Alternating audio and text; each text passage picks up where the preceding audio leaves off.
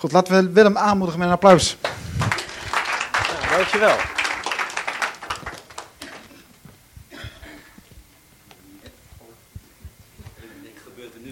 Wat gebeurt er nu? Ja. Zo, nou, ik vind het heel mooi om te gaan spreken over het Koninkrijk van God. En toen ik uh, hier op de stoel zat en het opdragen van Leten zag, vond ik het zo interessant dat, hoe, hoe dat hij die microfoon vasthield en daar telkens ook naartoe wees met zijn hand. En toen dacht ik, nou, misschien moeten we Leten laten spreken deze morgen. Wie weet wat de toekomst brengen mag. En uh, het viel me zomaar op. Nou, de tijd gaat hard. Judith en ik komen nu een jaar. En um, op 15 september gaat uh, onze discipelschapstrainingsschool starten in Amsterdam. Dus dat is echt een avontuur voor ons. Gisteren ontvingen we een, uh, een boek in de brievenbus. Is dit echt van u, Heer? En dat is geschreven door de oprichter. En uh, de bedoeling is dat we dat van tevoren gaan lezen. Dus uh, het begint nu echt dichterbij te komen. Maar we vinden het heel tof dat we hier nog een paar keer kunnen zijn. En uh, deze morgen wil ik gaan spreken over het Koninkrijk van God. Heel mooi thema. En ik ga daarbij kijken naar Matthäus 6. Dus als je je Bijbel bij hebt, dan, dan kun je het opzoeken. Maar het komt ook op de beamer. En daarin begint Jezus te spreken over, over de motivatie. Wat is nou de motivatie voor de dingen die je doet? En Matthäus 6 gaat over uh, ja, drie onderdelen. Dat eerste stukje over uh, het geven van aalmoezen, of het geven van liefdegaven, over bidden en over vasten. Nou, en dat waren, dat waren drie dingen. Daar waren de fariseeërs ook druk mee bezig. Maar Jezus begint daar te spreken en die zegt, maar wat is nou de motivatie waarom je die dingen doet? En wat hij eigenlijk zegt is, doe die dingen nou niet om de aandacht naar jezelf te trekken.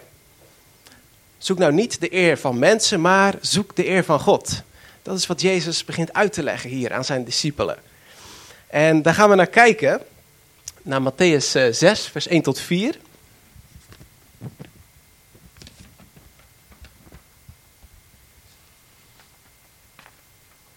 Uh, ik zal het van het scherm aflezen, dat is makkelijk. Er staat het volgende. Er staat, wees op uw hoede dat u uw liefdegave niet geeft in tegenwoordigheid van de mensen, om door hen gezien te worden. Anders hebt u geen loon bij uw vader die in de hemel is. Hier zegt Jezus al, doe het nou niet om de aandacht naar jezelf te trekken, maar vertrouw erop dat ik het zie, de dingen die je doet. En wanneer u dan een liefdegave geeft, laat het niet voor u uitbazuinen, zoals de huigelaars in de synagogen en op de straten doen, opdat zij door de mensen geëerd zouden worden. En dan gaan we verder naar het volgende vers en er staat, voorwaar, ik zeg u, zij hebben hun loon al. Maar als u een liefdegave geeft, laat dan uw linkerhand niet weten wat uw rechterhand doet, zodat uw liefdegave in het verborgene zal zijn. En uw vader, die in het verborgene ziet, zal het u in het openbaar vergelden.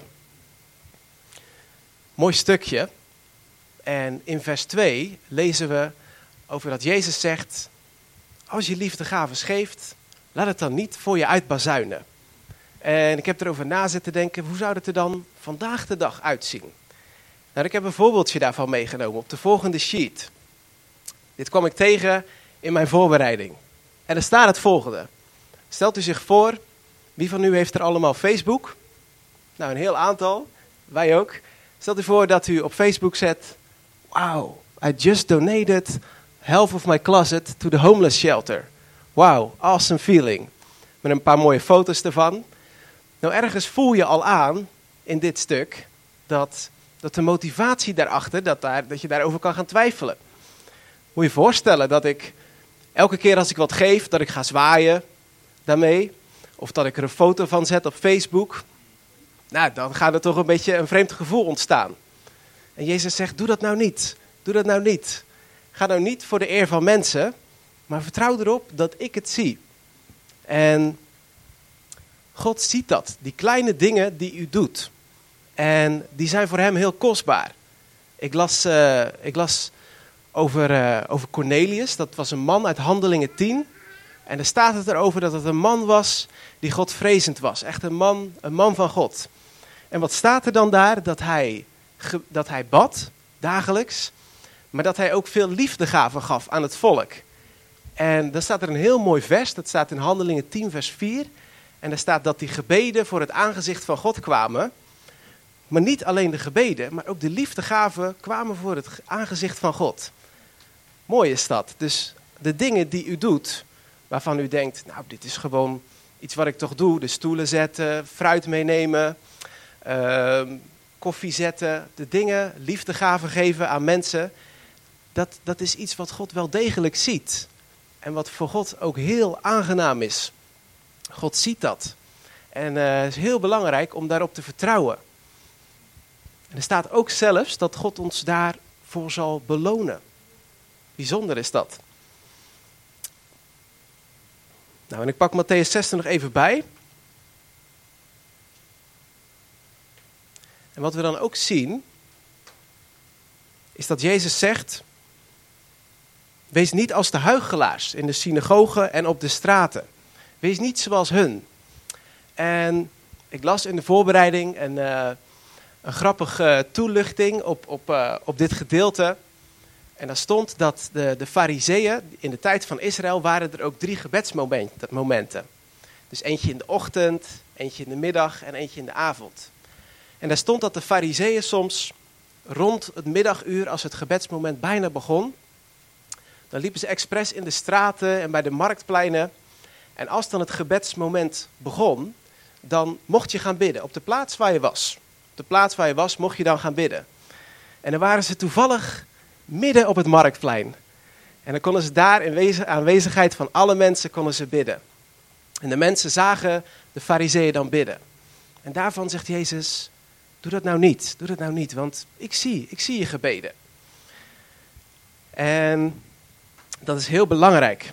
En dat woordje huigelaar, dat betekent ook zoiets als toneelspeler. En dat betekent eigenlijk dat je de dingen wel doet, maar dat je er een soort van toneelspel van maakt. En deze drie dingen, geven, bidden, vasten, die zijn te belangrijk voor God om er een toneelspel van te maken. God wil dat we daar eerlijk en open in zijn. En je zou het je kunnen voorstellen dat je met een grote glimlach uh, op je gezicht een grote gift geeft, terwijl je in je hart denkt, oeh, dit wil ik helemaal niet, dit wil ik niet. En in de Bijbel zegt God dat hij de blijmoedige geven lief heeft. En ook in deze onderdelen is het zo belangrijk om je maskers af te leggen en eerlijk te zijn in ons geven, in ons bidden en in ons vasten. Want het is zo kostbaar voor God. En dus ja, je maskers, zet ze af. En um, ja, als je met tegenzin geeft, dat is iets wat God niet wil. God verlangt ernaar dat je met een blijmoedig hart geeft. En God ziet dat als je geeft. En wat ik al zei, God beloont ons daar ook voor. En dan gaat het stuk nog verder. Matthäus 6, vers 3. En dat is die tekst over je linkerhand en je rechterhand. En toen ik dat las, toen dacht ik, ik weet eigenlijk niet precies wat daarmee bedoeld wordt en wat dat betekent. Ik zal hem nog eens voorlezen. Er staat, maar als u een liefdegave geeft, laat dan uw linkerhand niet weten wat uw rechterhand doet. Nou, ik las daarbij een uitleg en die vond ik wel interessant. En daar stond dat je rechterhand eigenlijk is de gevende mens, dat wat je geeft. En de linkerhand is eigenlijk de nadenkende mens over zichzelf. En de gedachte die ik daarbij had is, stel dat je met je rechterhand iets geeft, ga dan niet zelf daarover nadenken van van hoe dat terug zou komen als een beloning voor jezelf, wat dat voor uitwerking zou hebben. Nee, nee, doe het uit liefde voor God en voor je naaste. En dat is de motivatie waar Jezus naar op zoek is. Het is ook niet, het is ook niet, niet goed om dingen te geven en dan te verwachten, oeh, daar word ik zelf waarschijnlijk beter van. Nee, God, ja, en uiteindelijk, uiteindelijk geloof ik daar wel in ook, dat, dat God die dingen ziet Ehm, maar dat is natuurlijk niet de bedoeling dat dat onze motivatie is. En dus daar zoekt God naar. Dat we geen, geen toneelspel ervan maken. Dat we het ook niet doen voor de eer van mensen. En, en dat, we, dat we het ook met een juiste motivatie doen. En dan het vierde vers zegt, zodat uw liefdegave in het verborgene zal zijn. En uw vader die in het verborgene ziet, zal het u in het openbaar vergelden. Dat is een thema waar ik ook enthousiast over ben, over geven. Op de een of andere manier merk ik dat God daar doorheen werkt. Ik ken de getuigenissen van mensen die zeggen: Ja, ik geef een deel van mijn inkomsten. En ik merk aan het einde van de maand dat God voorziet. Ik weet niet hoe het werkt, maar het werkt. En het is een principe van God: geven en ontvangen. En eh, ik wil daar nu een filmpje over laten zien. En dat laat iets zien over de kracht van geven. En dat gaan we nu bekijken met elkaar.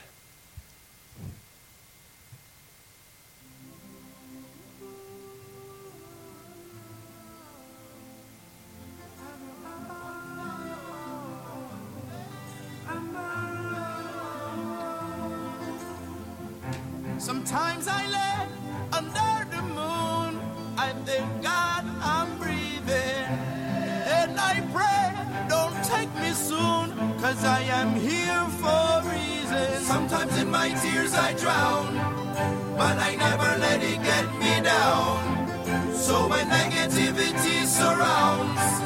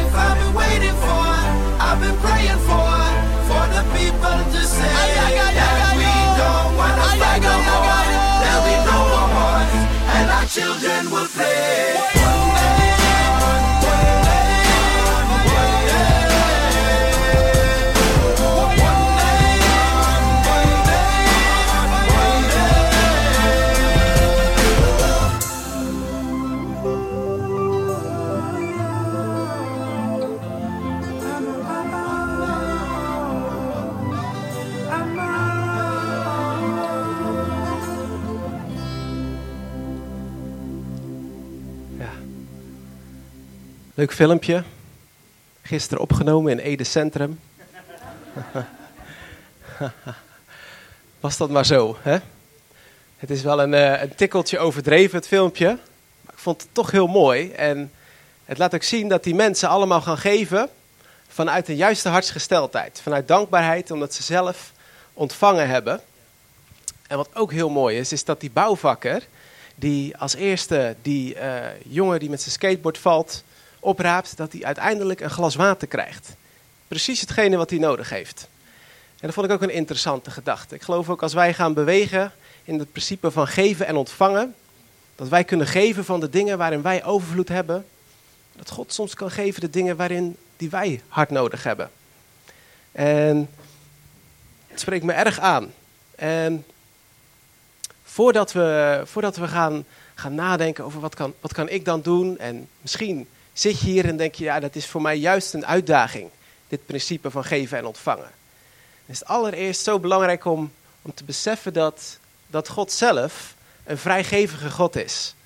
En dat Hij wil voorzien in uw leven, dat Hij u wil zegenen. En vanuit die rijkdom mag je verder gaan geven. Weet u, en um, in de Bijbel en, en in wie God is, zie je zoveel dat God een God is die geeft. Hij gaf zijn zoon aan deze wereld. En er staat zelfs een vers in de Bijbel. En uh, daarin staat dat Jezus eigenlijk arm is geworden voor ons, zodat wij rijk zouden worden door Hem. Zo'n mooi vers. Jezus gaf alles voor ons. En ook als je kijkt naar uh, het verhaal van de verloren zoon, staat zijn vader al dagen op de uitkijk.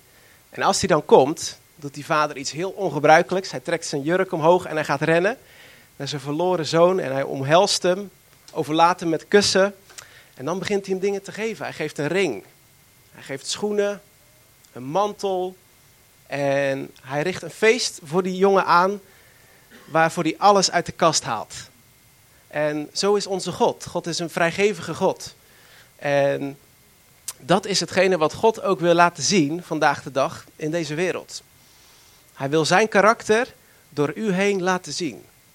Hij wil door deze gemeente, door ons heen, wil hij laten zien dat God zelf een vrijgevige God is.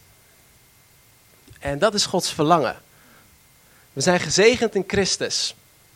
En hier komt die, die mooie tekst komt hier tevoorschijn. Want u kent de genade van onze Heer Jezus Christus. Dat Hij, omwille van u, arm is geworden, terwijl Hij rijk was. Opdat u door Zijn armoede rijk zou worden. Is geweldig om te zien welke rijkdom wij hebben ontvangen in Jezus. En dan de volgende tekst laat zien dat God, God ons wil zegenen om die zegen ook, ook uit te gaan delen. En daar is God naar op zoek. Wie kan ik vinden? Wie is er beschikbaar? Wie, wie kan ik een gave of een talent toevertrouwen wat hij of zij weer door zal zetten in mijn koninkrijk? Daar is God op zoek naar. Naar mensen die, die zeggen, ja, ik wil ontvangen van u, heren. Ik wil ontvangen van u gaven, talenten, geld, tijd en bezittingen. Om deze vervolgens weer gaan in te zetten, om, om te gaan dienen daarmee, andere mensen. En wat ik merk in mijn eigen leven is ook als je bezig gaat met het principe van geven en ontvangen, dan kun je er ook geweldige dingen in meemaken. Wonderen. God bouwt daardoor zijn koninkrijk. Ik weet nog heel goed dat ik een keer een, eh, een man uit India mocht vertalen. Augustine Koshi heette die man. En uh, het is best moeilijk om iemand vanuit India te vertalen in het Nederlands. En, maar hij vertelde mij zo'n mooi verhaal. Hun hadden in India een, uh, een bijbelschool opgestart. En zoals u weet is in India veel ongerechtigheid, ook met dat kastensysteem. En toen waren ze een jonge man tegengekomen, die kwam echt uit de laagste kasten. En die wilde dolgraag die bijbelschool volgen. Maar hij had het geld niet, bij lange na niet.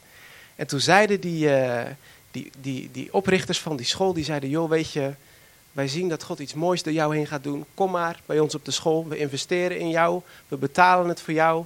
Ga maar volgen die bijbelschool is die jonge man helemaal blij in die bijbelschool volgen. Wat is er gebeurd? Daarna heeft hij 15 kerken gesticht in India. Dat is toch geweldig, hè? Als we gaan geven, gaan investeren, dan gaat God zijn koninkrijk bouwen. En er gebeurde nog iets bijzonders.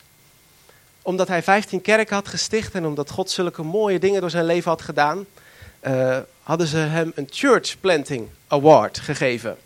Nou, of dat we het daarmee eens zijn, dat weet ik niet. Maar hij won een prijs van 5000 dollar. En hij had die 5000 dollar en hij dacht terug aan zijn bijbelschool en aan zijn leraren. En hij dacht, ik ga terug naar die bijbelschool en ik geef het terug. En hij zei, ben zo dankbaar dat jullie in mij hebben geïnvesteerd. Hier is deze Church Planting Award, hier is het bedrag terug voor jullie, uit dankbaarheid. Zie je dat, het principe van geven en ontvangen? Dat is geweldig. En uh, die, die, die leiding van de bijbelschool zei, joh weet je, hou het zelf en gebruik het verder in Gods koninkrijk. Maar waar ik u enthousiast over wil maken is, als wij gaan bewegen daarin, in dat geven en ontvangen, dan mogen wij ook van heel dichtbij gaan zien hoe God voorziet in iemands leven. Hoe God zijn koninkrijk bouwt. Door iets waar wij in geïnvesteerd hebben.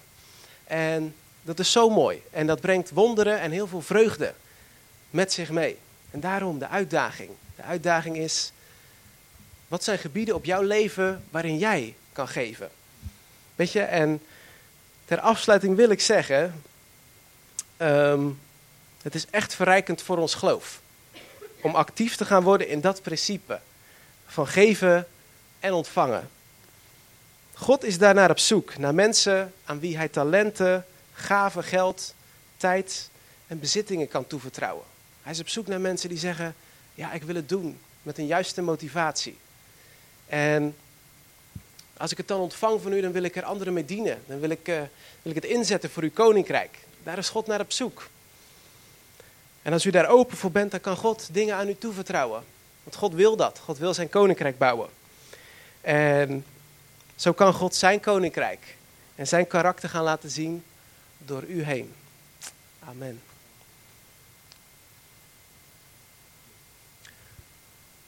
En uh, als je ook denkt van wat is dan datgene waar ik me voor mag gaan inzetten. Misschien zeg je ook ik heb echt uitdagingen op gebieden in mijn leven. Laat dan ook voor je bidden aan het einde van deze dienst. Laat God tot je spreken op dit gebied.